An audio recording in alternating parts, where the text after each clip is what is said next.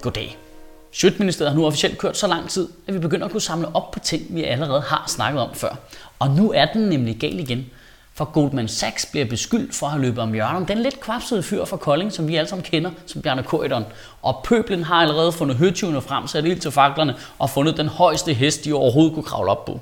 Men inden du selv selv antænder i raseri, så vil vi gerne her fra Sjøtministeriet lige bidrage med noget til debatten, som godt kan være lidt irriterende, hvis man bare gerne vil have lov til at være sur, nemlig fakta. Sidste år solgte Danmark 19% af aktierne i Dong til Goldman Sachs for 31,5 milliarder kroner. Men nu har Dong så landet en aftale i England om at bygge engelske vindmølleparker og den medfølgende støtte fra den engelske stat på 21,5 milliarder kroner. Og så bliver man jo rasende, for så stiger Dong i værdi, og hvem tjener penge på det? Det gør dem, der ejer Dong, og det er Goldman Sachs og ATP og PFA og den danske stat. Ja, det er så Danmark. Vi ejer 60 procent af det. Men derfor kan man godt være sur på Goldman Sachs alligevel, for de skal ikke komme her og tjene penge til os. Puha, hvor er det udansk. Ad, vi vil gerne have lov til at køre vores egne energiselskaber i seng. Helt i fred og ro. Det er som om alle folk har glemt, at vi stadigvæk ejer det meste af Dong.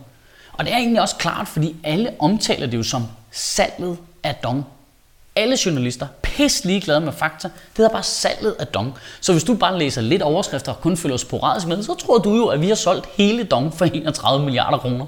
Prøv at google det engang. Det er alle, det er Berlingske Tidene, Politikken, Danmarks Radio, BT, Ekstrabladet, de kalder det salget af Dong, selvom det burde hedde salget af Dong-aktier. Men det er lidt for langt, ikke? Hov, salget af Dong, altså, der er en bindestreg, det bliver sådan lidt fedt, det ser lidt fjollet ud. Ah, vi stryger bare det der bindestreg aktier. Det er lige meget. Salget af Dong hedder det. Ja, det, er, det er vigtigt, at det er catchy, end at det er rigtigt. Vi journalister, så skulle vi gå op i fakta. Nej, det gider vi ikke. Debatten bliver bare så mudret nu, for nu skal vi til at diskutere, jamen har vi solgt vores aktier for billigt til Goldman Sachs, fordi Dong er steget i værdi, efter de havde købt dem? Det er så sgu da ikke nogen, der ved. Havde Dong overhovedet sikret sig den aftale i England, hvis ikke det havde været for Goldman Sachs? 21,5 milliarder kroner i støtte fra den engelske regering. Det er jo ikke alle sammen Goldman Sachs, det er jo 60 procent af det er jo vores, så det er 19 procent af 21,5 milliarder. Altså, altså, det er jo ligesom at høre en plade med Medina, ens hjerne smelter jo bare. Og det er altså vigtigt lige at slå fast, at det ikke sådan, at jeg sidder og forsvarer Goldman Sachs overhovedet. De er en kæmpe svindler, havde en stor finger med i spillet i forbindelse med finanskrisen i 2008, med deres subprime-lån og krumspring og halløj. Og jo, jeg er ret sikker på, at det er et teknisk term for det Goldman Sachs laver. Halløj. Deres CV er jo bare den mest deprimerende filmtrailer nogensinde. For skaberne af finanskrisen og for instruktøren af græske gældsvindel kommer nu. Dong. Men problemet er, at vi bruger al vores energi på at være så rasende på dem, at vi glemmer at snakke om det, som det faktisk handler om. Som er privatisering for helvede. Følg ikke med. Kan ikke huske? Jeg har sagt det før. Prøv her, den rigtige debat handler ikke om noget med nogle detaljer omkring noget, vi har solgt til Goldman Sachs. Den rigtige debat er privatisering. Hvorfor skal vi overhovedet sælge det? Og det er en debat, vi er nødt til at tage. For lige om lidt så har vi altså en borgerlig regering, der bare mega gerne vil sælge DSB.